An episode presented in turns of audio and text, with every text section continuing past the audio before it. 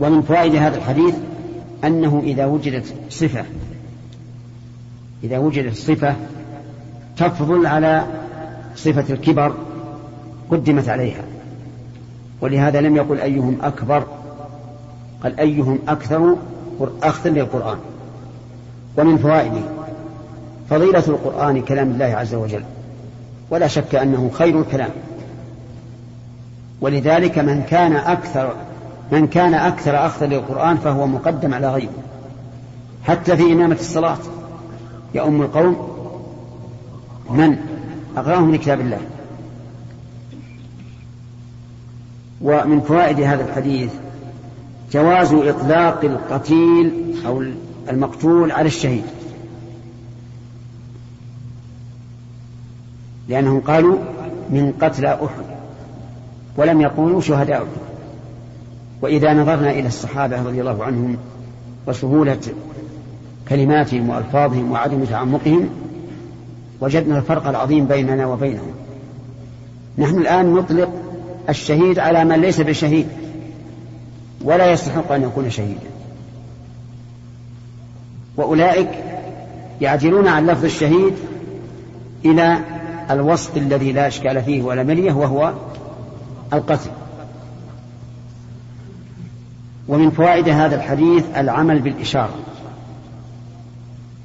المفهومة سواء كانت من أخرس أو من غيره. لقوله فإذا أشير له إلى أحدهما. إذا أشير له إلى أحدهما. ومن فوائد هذا الحديث جواب إجابة السلطان والكبير وذي السيادة بالإشارة. مع إمكان النطق أو يقال إن نعم لأن الصحابة كانوا يشيرون إلى الرجل إشارة وهم يخاطبون من؟ الرسول صلى الله عليه وسلم. لكن قد يقال إن الإشارة هنا متعينة. لأنهم لو قالوا فلانا وهو لا يعلم. لم نستفد. فلا طريق إلى العلم إلا بالإشارة. وعليه فنقول المخاطبة بالإشارة إذا كانت أدل على المقصود لا تعتبر تقليلا من شأن المخاطب. ومن فوائد هذا الحديث أن النبي صلى الله عليه وعلى آله وسلم لا لا يعلم الغيب. لأنه لا علم الغيب. ما سأل.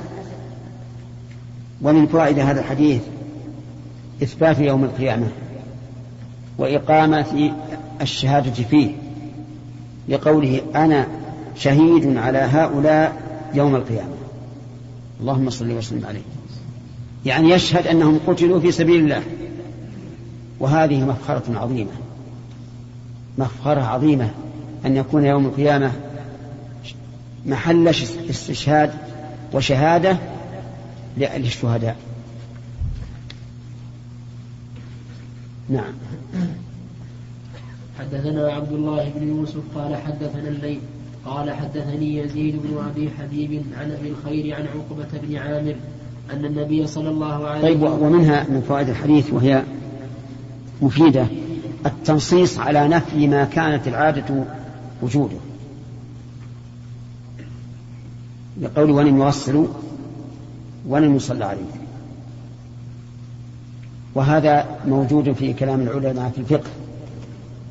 ينفون قولا وهم لا حاجة إلى نفيه لكن ليدفعوا به قول من يقول به.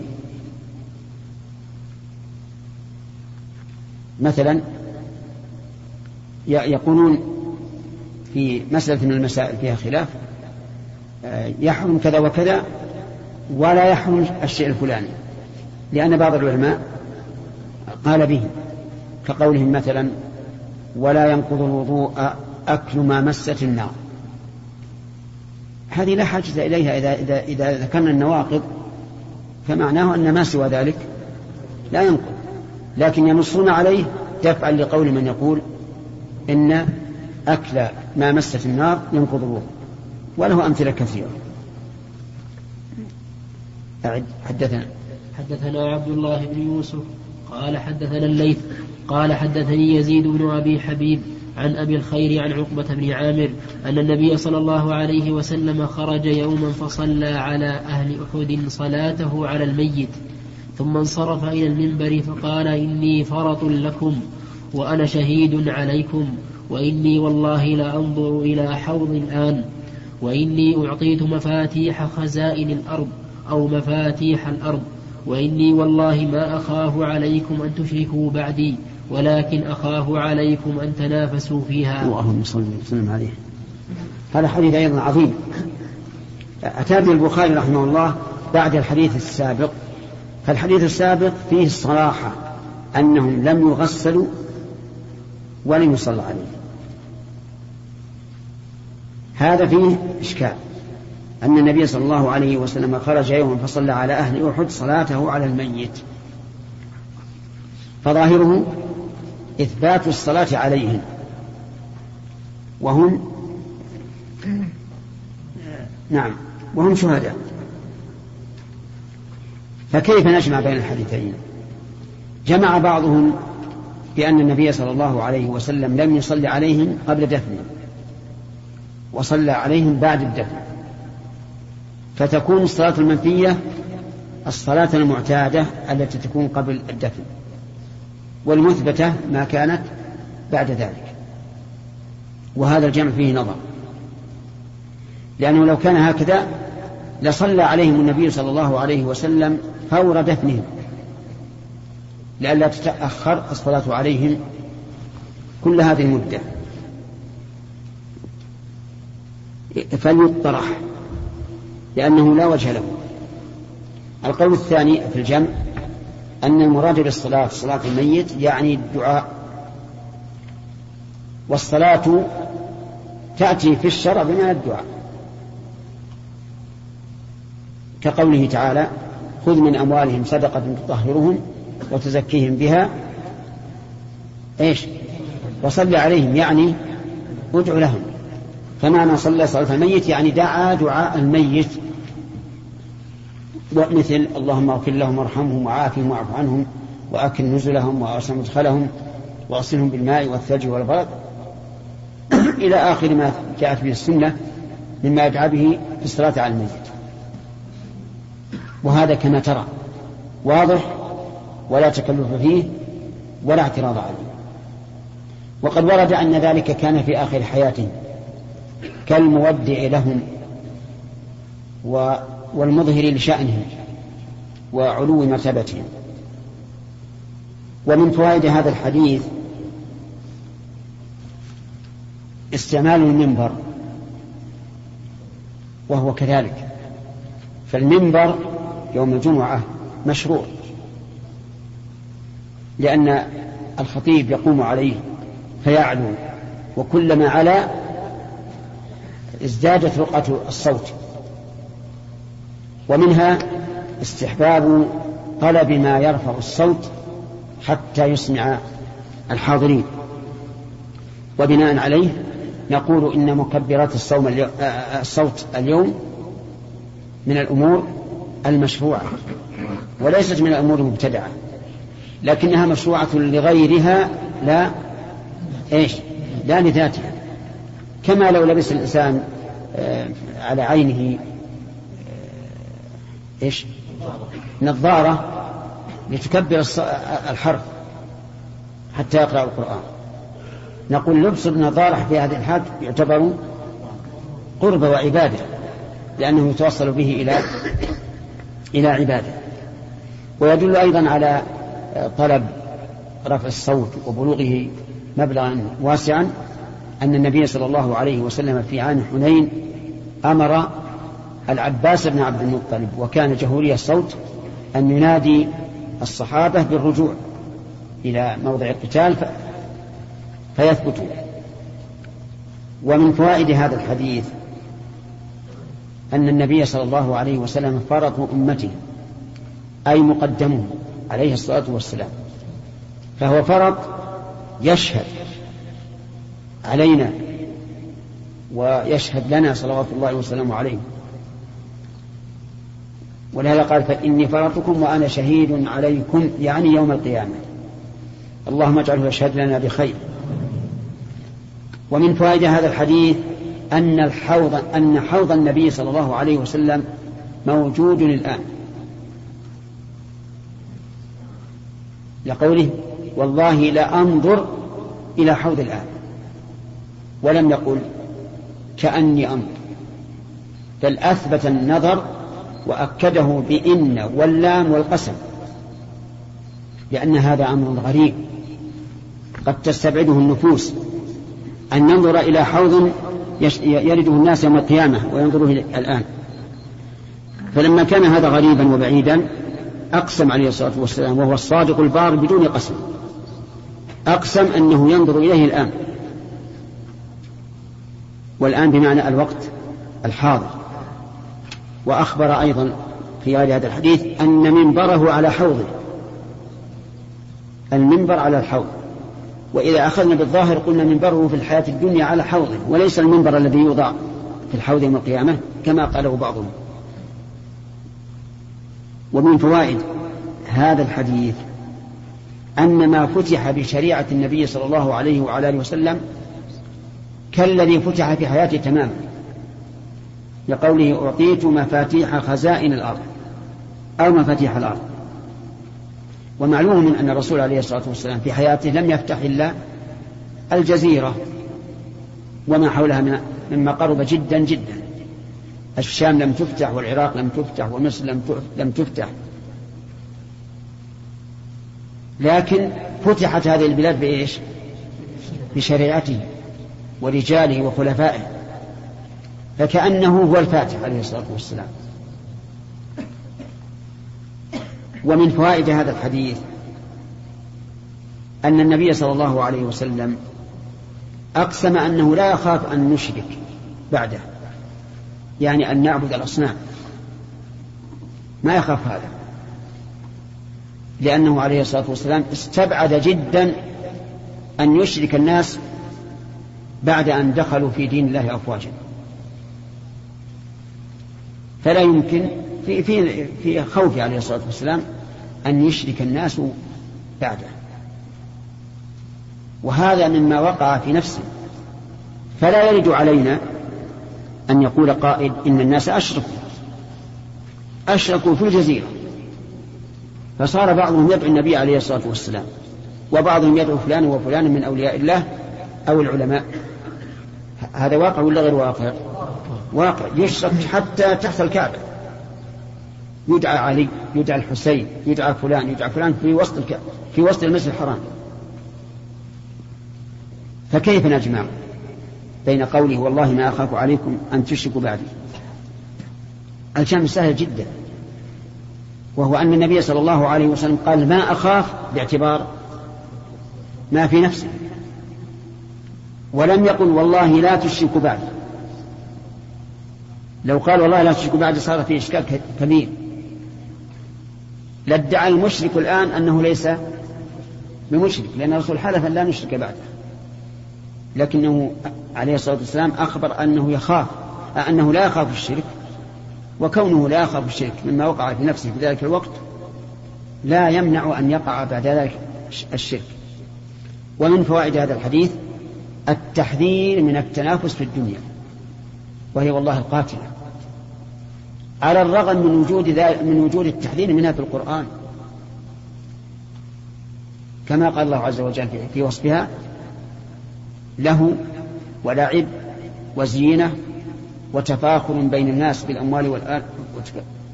نعم وتفاخر بين الناس وتكاثر في الأموال والأولاد. هذه خمسة أشياء. كلها حصرت في هذا المثل كمثل غيث أعجب الكفار نباته من حسنه ونموه ونضارته وثمرته. ثم إيش؟ يهيج فتراه مصفرا. ثم يكون حطاما. مقابل ذلك وفي الآخرة عذاب شديد ومغفرة من الله ورضوان.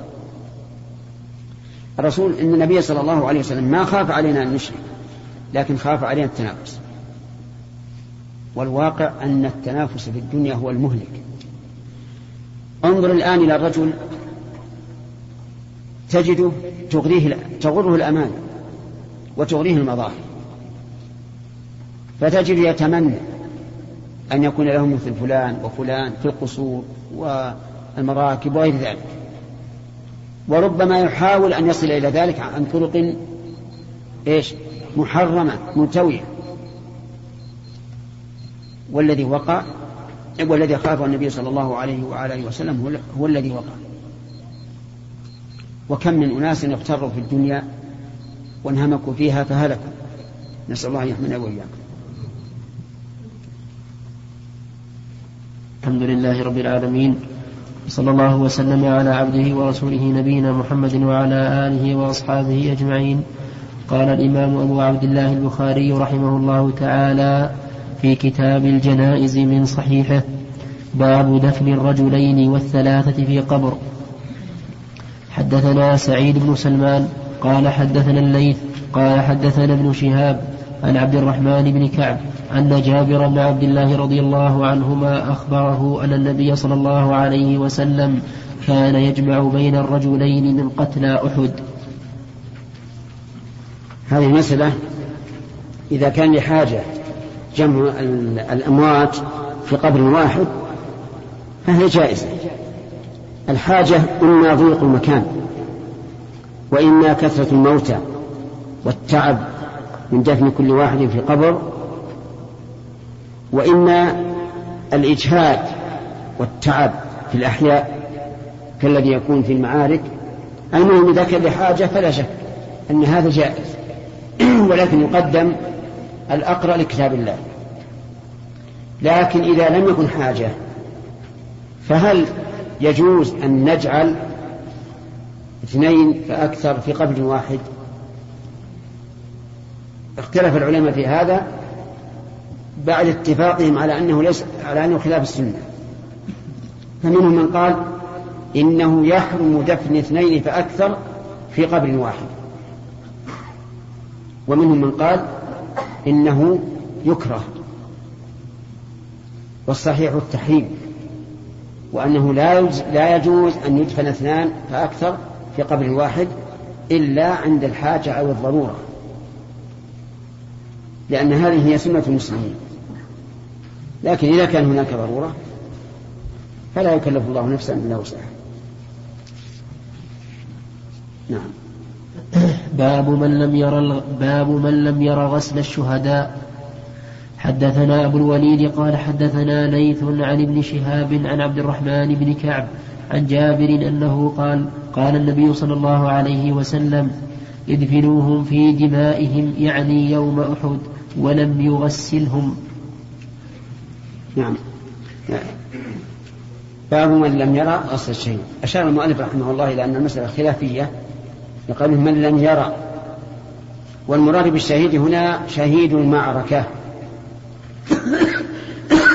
لا الشهيد الذي له حكم الشهداء بدون مغفرة كالمقتول ظلما والمطعون والمبطون وما أشبه ذلك. فالشهيد هنا شهيد المعركة. أمر النبي صلى الله عليه وسلم أن يدفنوا في دمائهم. يعني أن لا تغسل الدماء وفي ثيابهم والدماء في الثياب. وأشكل هذا على ويشكل هذا كيف يدفنون في الدماء والدماء نجسة.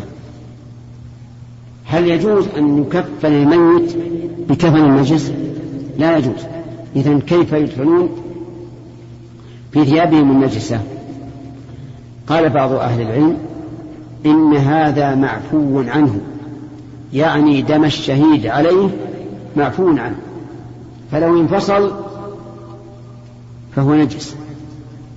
يغسل. لو انفصل يعني مثلا خر دم الشهيد على إنسان حي فإنه يجب عليه أن يغسله. وقال آخرون بل هذا دليل على أن دم الآدمي طاهر.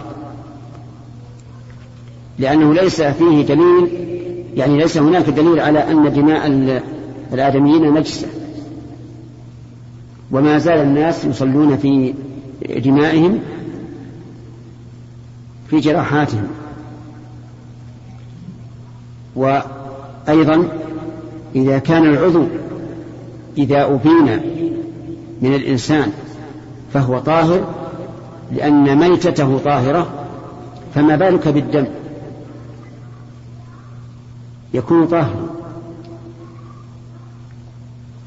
وهذا القول أقرب إلى الصواب أن دم الآدمي طاهر ومن زعم أنه نجس فعليه الدليل لأنه ما زال الناس تصيبهم الجراحات والرعاة ولم ينقل أنه أنه أنهم ألزموا بالغسل.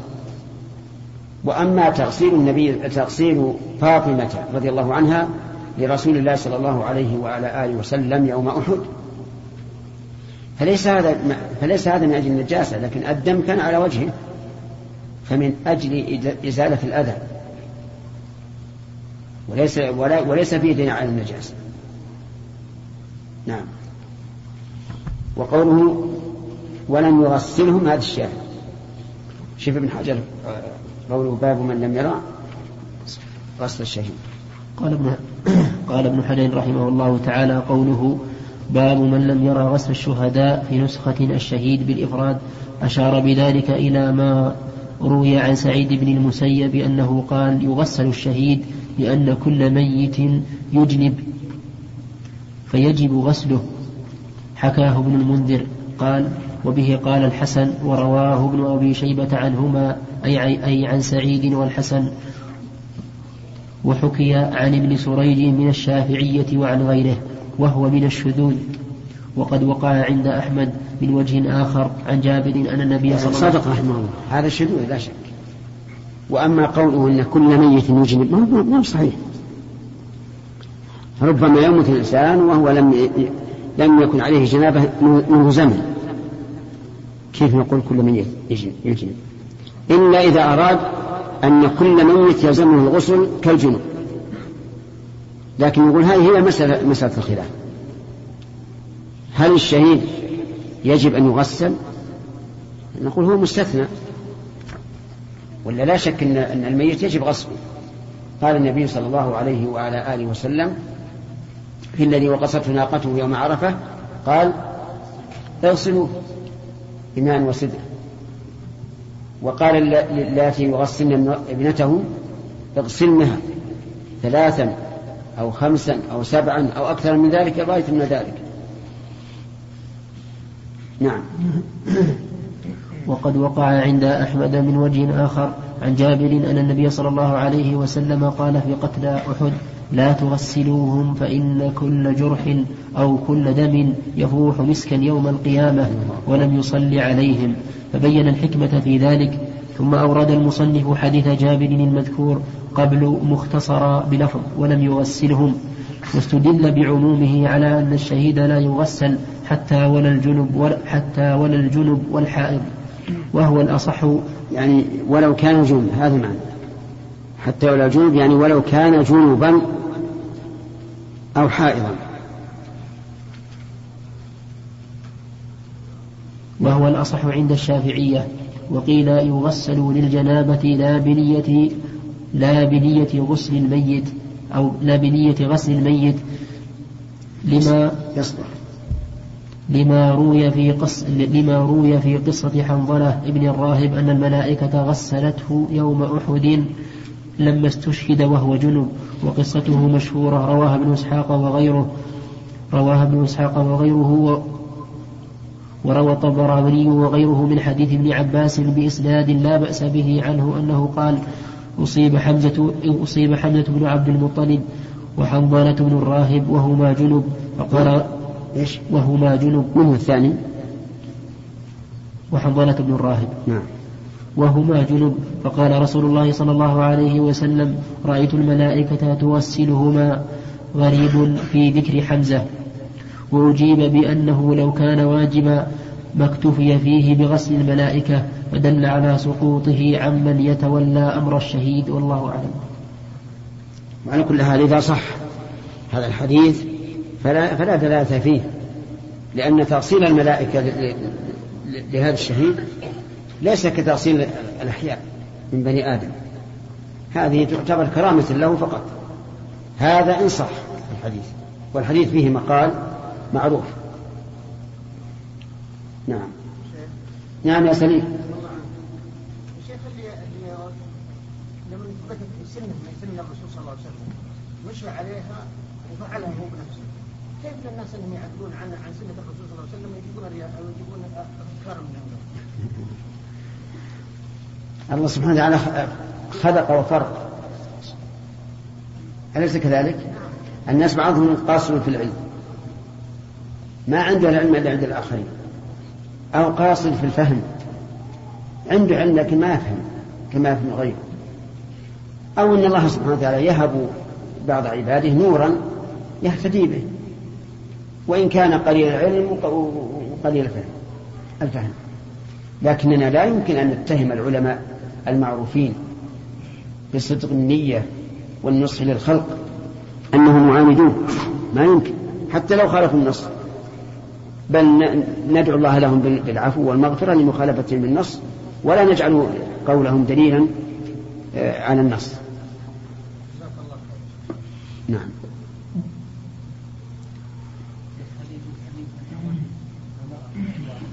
اي نعم. إذا دعت الحاجة.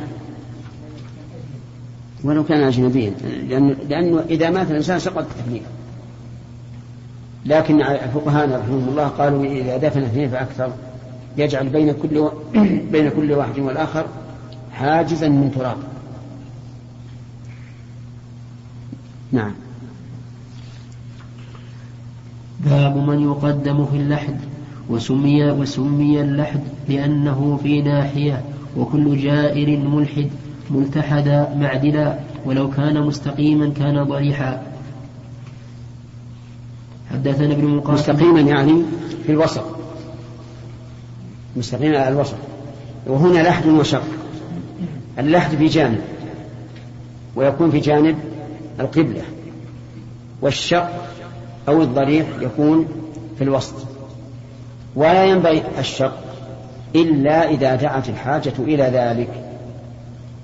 مثل أن تكون الأرض رملية ولا يمكن أن تمسك. فهنا لو حفرنا اللحد في جانب القبر انهالت الرمل.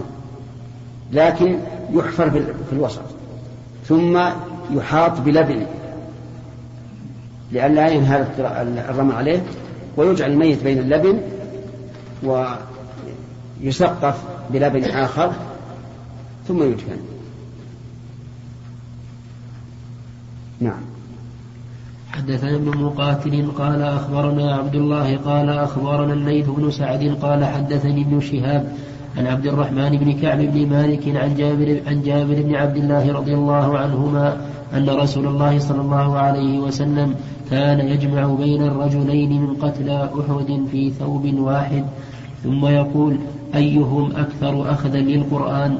فإذا أشير له إلى أحدهما قدمه في اللحد وقال أنا شهيد على هؤلاء وأمر بدفنهم بدمائهم ولم يصل عليهم ولم يغسلهم.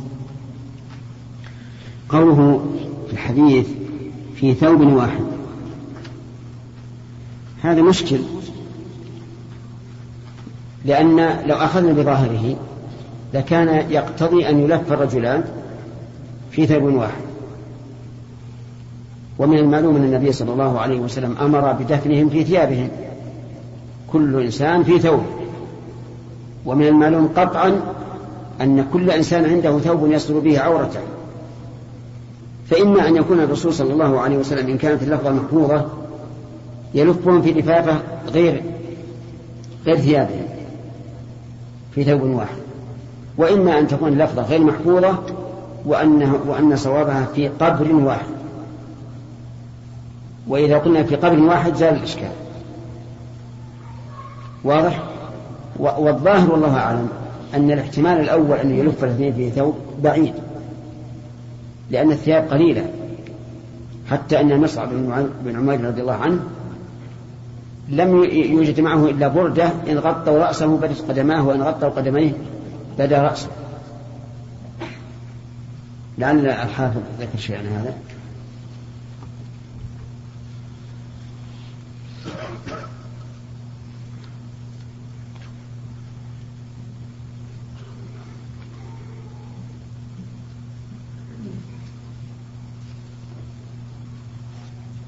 ما أدري ما أشوف شيء. نعم. ما أشوف شيء لكن قال ثم ساق المصنف حديث جابر من طريق ابن المبارك عن الليث متصلا وعن الأوزاعي منقطعا لأن ابن شهاب لم يسمع من جابر. زاد بن سعد في الطبقات عن الوليد بن مسلم حدثني الأوزاعي بهذا الإسناد قال زملوهم بجراحهم فأنا الشهيد عليهم ما من مسلم يكلم في سبيل الله إلا جاء يوم القيامة يسيل دم الحديث. قوله في رواية الأوزاعي فكفن أبي وعمي في نمرة. هي بفتح النون وكسر الميم وكسر الميم بردة من صوف أو غيره مخططة. وقال الفراء هي دراعة فيها لونان سواد وبياض. ويقال للسحابة إذا كانت كذلك نمرة. وذكر الواقي وذكر الواقي وذكر الواقدي في المغازي وابن سعد أنهما كفنا في نمرتين فإن ثبت حمل على أن النمرة الواحدة شقت بينهما نصفين وسيأتي مزيد لذلك بعد بابين والرجل الذي كفن معه في النمرة كأنه هو الذي دفن معه كما سيأتي الكلام على تسمية على تسميته بعد باب.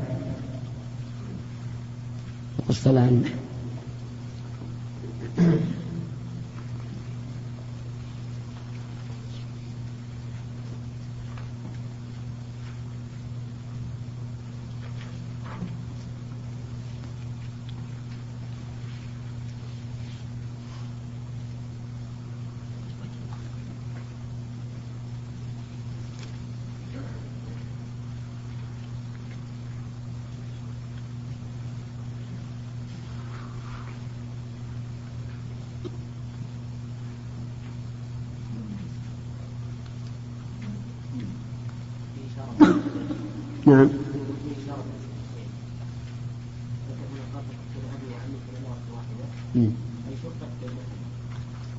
نعم.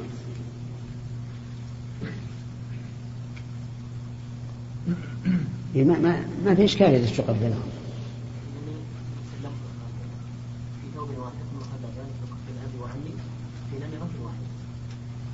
هو ذكر ابن حجر الاحتمال إنهما في نمرة واحدة أو انها شقت بينهما. ما ذكر شيء؟ استدلني نفس كلام ابن حجر إنها يعني إن صح حمل على أن النمرة الواحدة شقت بينهم نصفين. هذا حديث جابر في النمرة. إي نعم. لكن قصدي في ثوب واحد الثوب ما ما تكلم عليها أبدا طيب من يحقق هذه ماشي واحد اثنين ثلاثة اجتمعوا اجتمعوا كل واحد ثلاثة.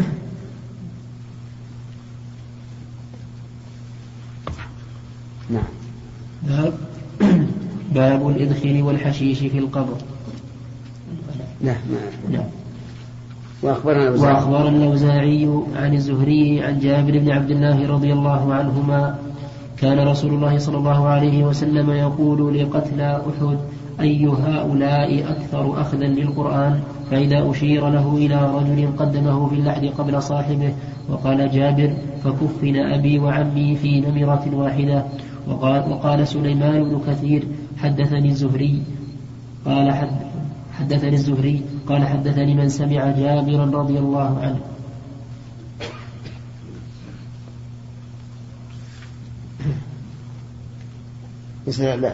الرواية الأخيرة.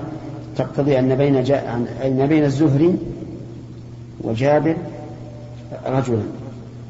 والأول ظاهر معنى عن يحتمل الاتصال وعدمه. في هذا دليل على فضيلة القرآن وأن صاحب القرآن مقدم في الحياة وبعد الممات. لأن القرآن كلام الله عز وجل. وكان ابن عمر يقول إذا قرأ الواحد البقرة وآل عمران جد فينا. أي صار ذا جد وشرف وسيادة نعم. يحيى؟ بعضهم يقول أن الصحابة الأكثر القرآن هو الأكثر نعم. لكن يمكن في هذا العصر في أناس مثلا يحفظون لفظ القرآن فقط. ولا شك ان إن الأكثر في القرآن في عهد الصحابة هو الأفضل والأطوع لله.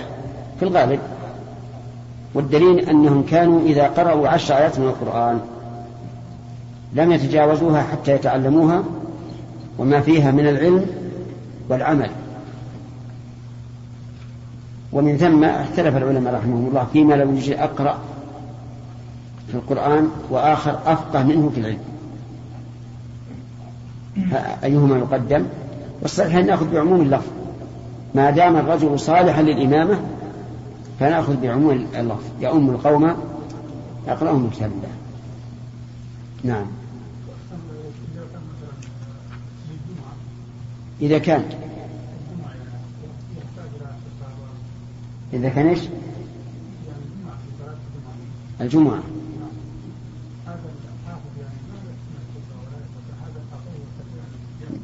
لا لا لا بأس أن يخطب واحد ويصل الثاني. نعم.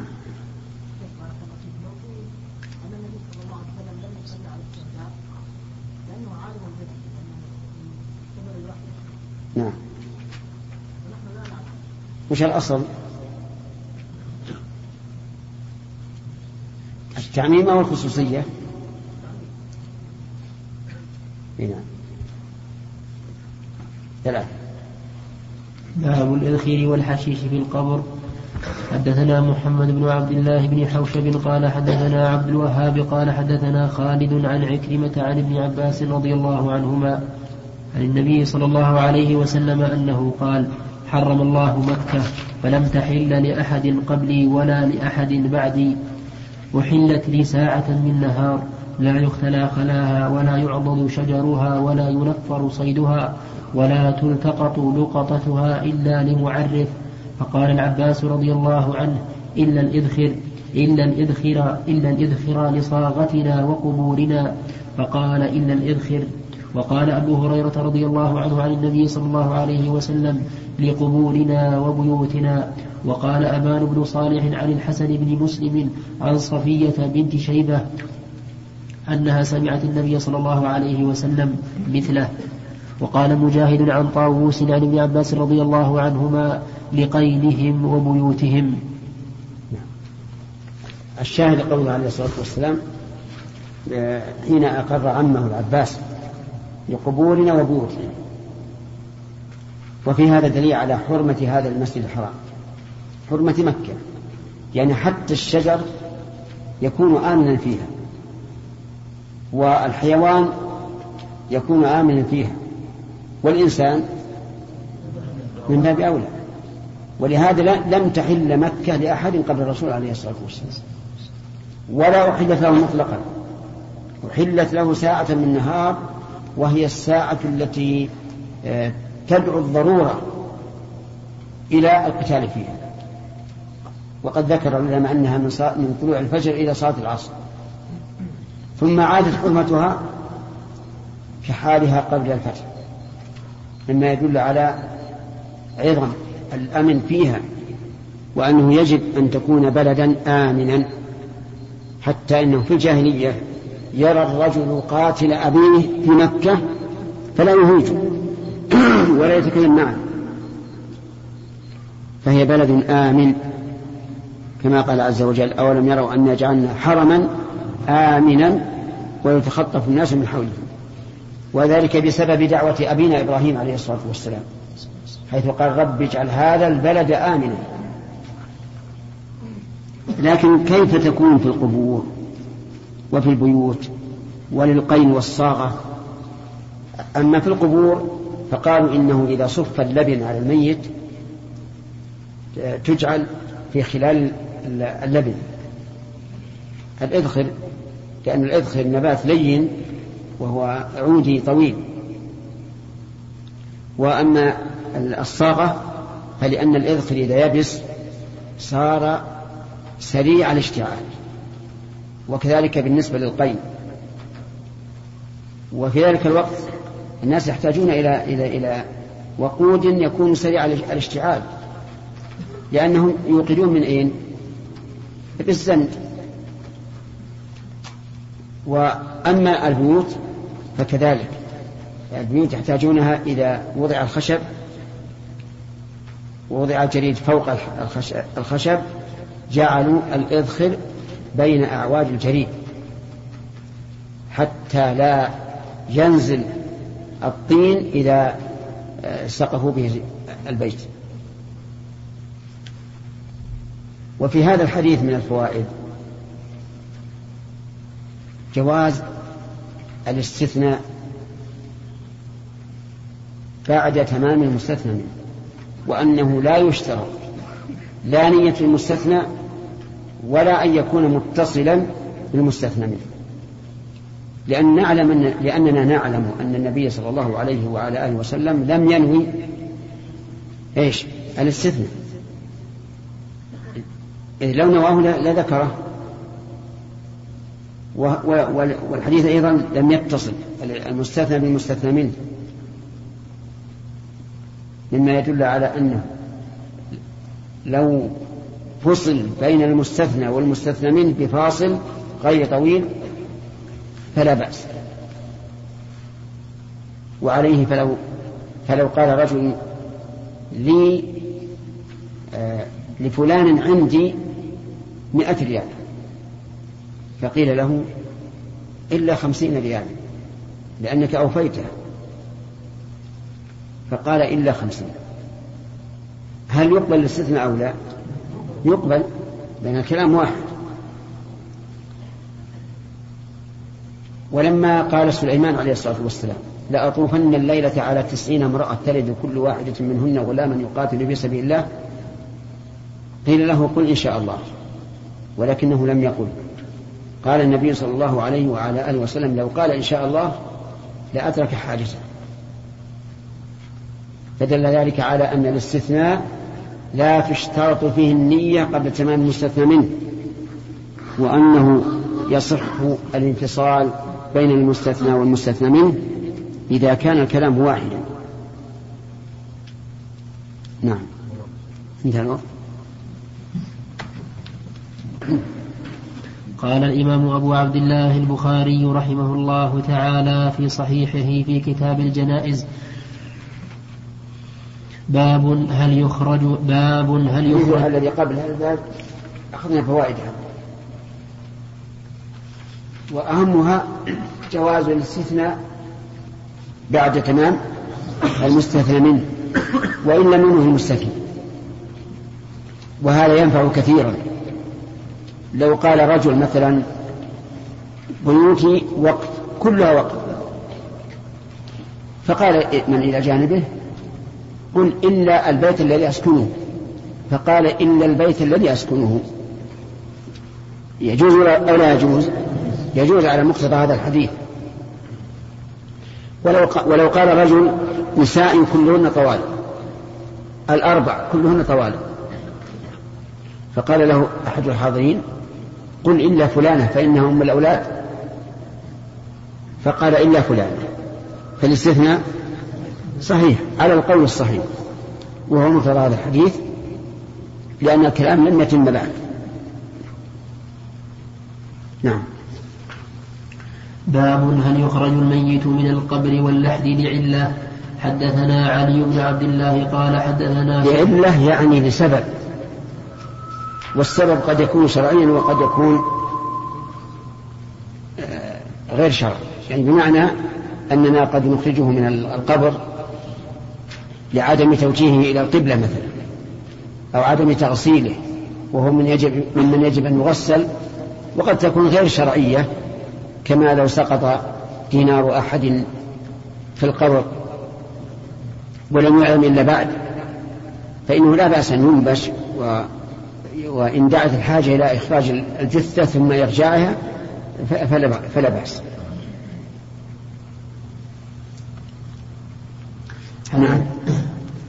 حدثنا علي بن عبد الله قال حدثنا سفيان قال عمرو سمعت جابر بن عبد الله رضي الله عنهما قال أتى رسول الله صلى الله عليه وسلم عبد الله بن أبي بعدما أدخل حفرته فأمر به فأخرج فوضعه على فوضعه على ركبتيه ونفث عليه من ريقه وألبسه قميصه فالله أعلم وكان كسى عباسا قميصا. قال سفيان وقال أبو هارون وكان على رسول الله صلى الله عليه وسلم قميصان. فقال له فقال له ابن عبد الله فقال له ابن عبد الله يا رسول الله ألبس ألبس أبي قميصك الذي يلي جلدك. قال سفيان فيرون أن النبي صلى الله عليه وسلم ألبس عبد الله قميصه مكافأة لما صنع. هذا أخرج من من القبر أو من اللحم هذا من اللحم ما بعد دفن حتى الآن. نعم. حدثنا مسدد قال أخبرنا بشر بن المفضل قال حدثنا حسين المعلم عن عطاء عن جابر رضي الله عنه أنه قال لما حضر أحد لما حضر أحد دعاني أبي من الليل. فقال ما أراني إلا مقتولا في أول من يقتل من أصحاب النبي صلى الله عليه وسلم وإني لا أترك بعدي أعز علي منك غير نفس رسول الله صلى الله عليه وسلم وإن علي دينا فاقض واستوص بأخواتك خيرا. وإن علي دينا فقد واستوص بأخواتك خيرا فأصبحنا فكان أول قتيل.